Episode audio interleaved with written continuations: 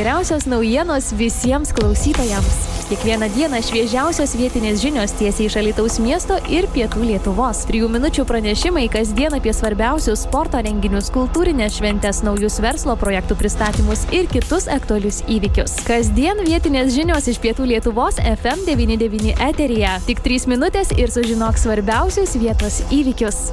Bičiuliai, mes pakalbėsime su alitiškių verslininku Želviniu Traigiu, kuris šiandien paskutinę dieną, kai dar galima registracija, registruotas kandidatų į prezidentus, taip nurodo šiandien ir vyriausiai rinkimų komisija, tad nusprendėme ir mūsų pašnekovo paklausti, atrodo paprasto klausimo, gerbiamas Žilvinai, kodėl nusprendėte įsirašyti į tą kandidato, jų dabar jau su jumis 14 sąrašą ir bandyti laimę Lietuvos Respublikos prezidento rinkimuose?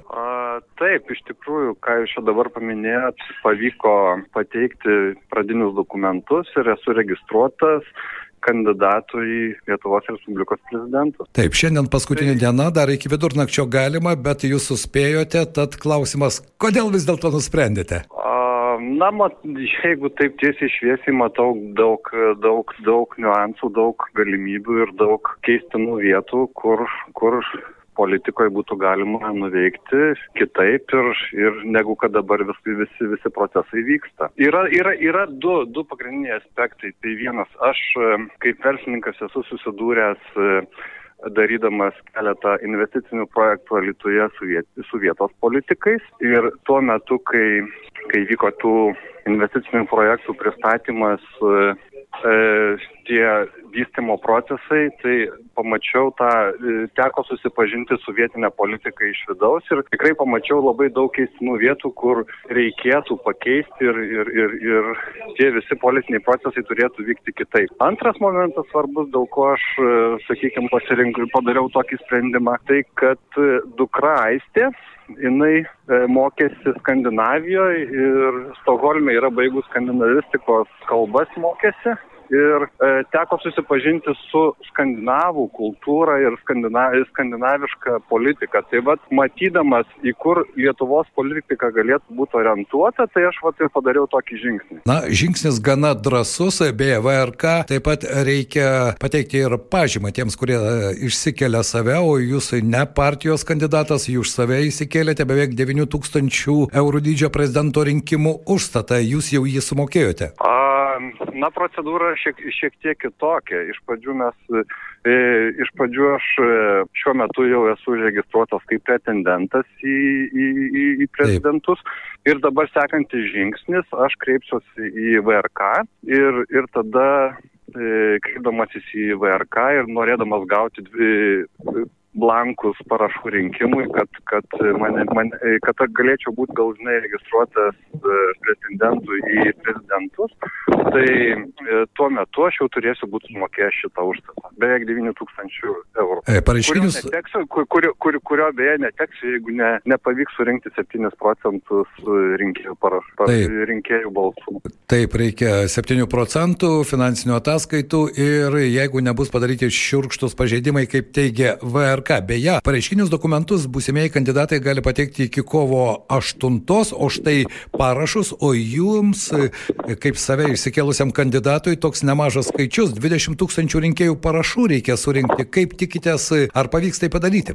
Mm, manau, kad kažkaip rasiu būdą, kaip pavyks tą padaryti. E, mano tada kitas klausimas. Vis dėlto politinių partijų kandidatai turi visą aparatą, dirba e, partiečiai, e, na, reikalinga rinkiminės kampanijos įžangoje ir tam tikra komanda, kuri galėtų padėti tuos pačius parašus surinkti. Ar jau turite kažkokią tai tokią atraminę grupę žmonių, kurie jumis patikėjo ir jums padės atlikti tuos darbus? Mm, turiu keletą žmonių, bet jų tikrai yra per mažai ir va tas 20 tūkstančių vienetų, 20 tūkstančių parašų surinkimas, tai man čia yra labai didelis iššūkis ir aš e, turiu skubiai, operatyviai sugalvoti būdą, kaip, kaip, kaip galėčiau tą, tą komandą surinkti, kaip ją pastiprinti, kaip, kaip, kaip, kaip atsirastų pas mane tvirt, tvirtesnis, tvirtesnis komandos branduolys, kurio šiuo metu dar nėra. Aš daugiau e, iš tikrųjų tas sprendimas e, galutinis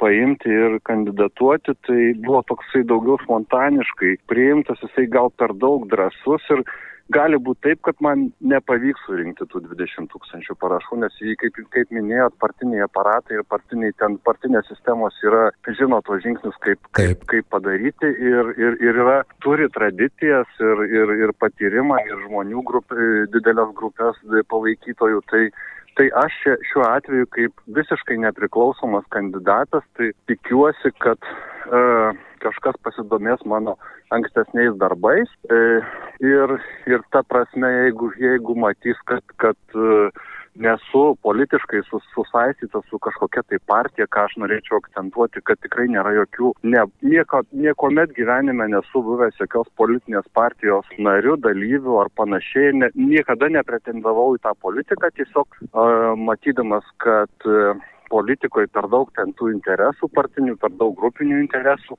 Aš kaip nepriklausomas kandidatas nutariau pabandyti ir manau, kad, kad, kad būtų sveika politiniai sistemai turėti vieną tokį, e, tokį atvejį, kad, kad pavyktų visgi laimėti. Na, aišku, bet tai be parašų rinkimo, o jų reikia 20 tūkstančių iki kovo 28 dienos surinkti, dar yra ir tam tikros programinės nuostatos, o tai irgi rimtas darbas, nes kandidatų, kaip matome, jau dabar yra 14, tad e, ko gero tas pasirinkimas bus labai didelis. Jeigu būtų galima, Žilvinai, keletą, na bent 2-3 e, postulatus, jūsų nuomonė, kas galėtų būti atraminė jūsų, na, kaip kandidato į prezidento postą tos programos programos pagrindiniai punktai? Na, iš tikrųjų, tai mano pagrindinis akcentas būtų į tai, kad e, Lietuva turi susivienyti, nebūti, nebūti tokia susiskaldžius, ne, nebūti tokia daugiapolė.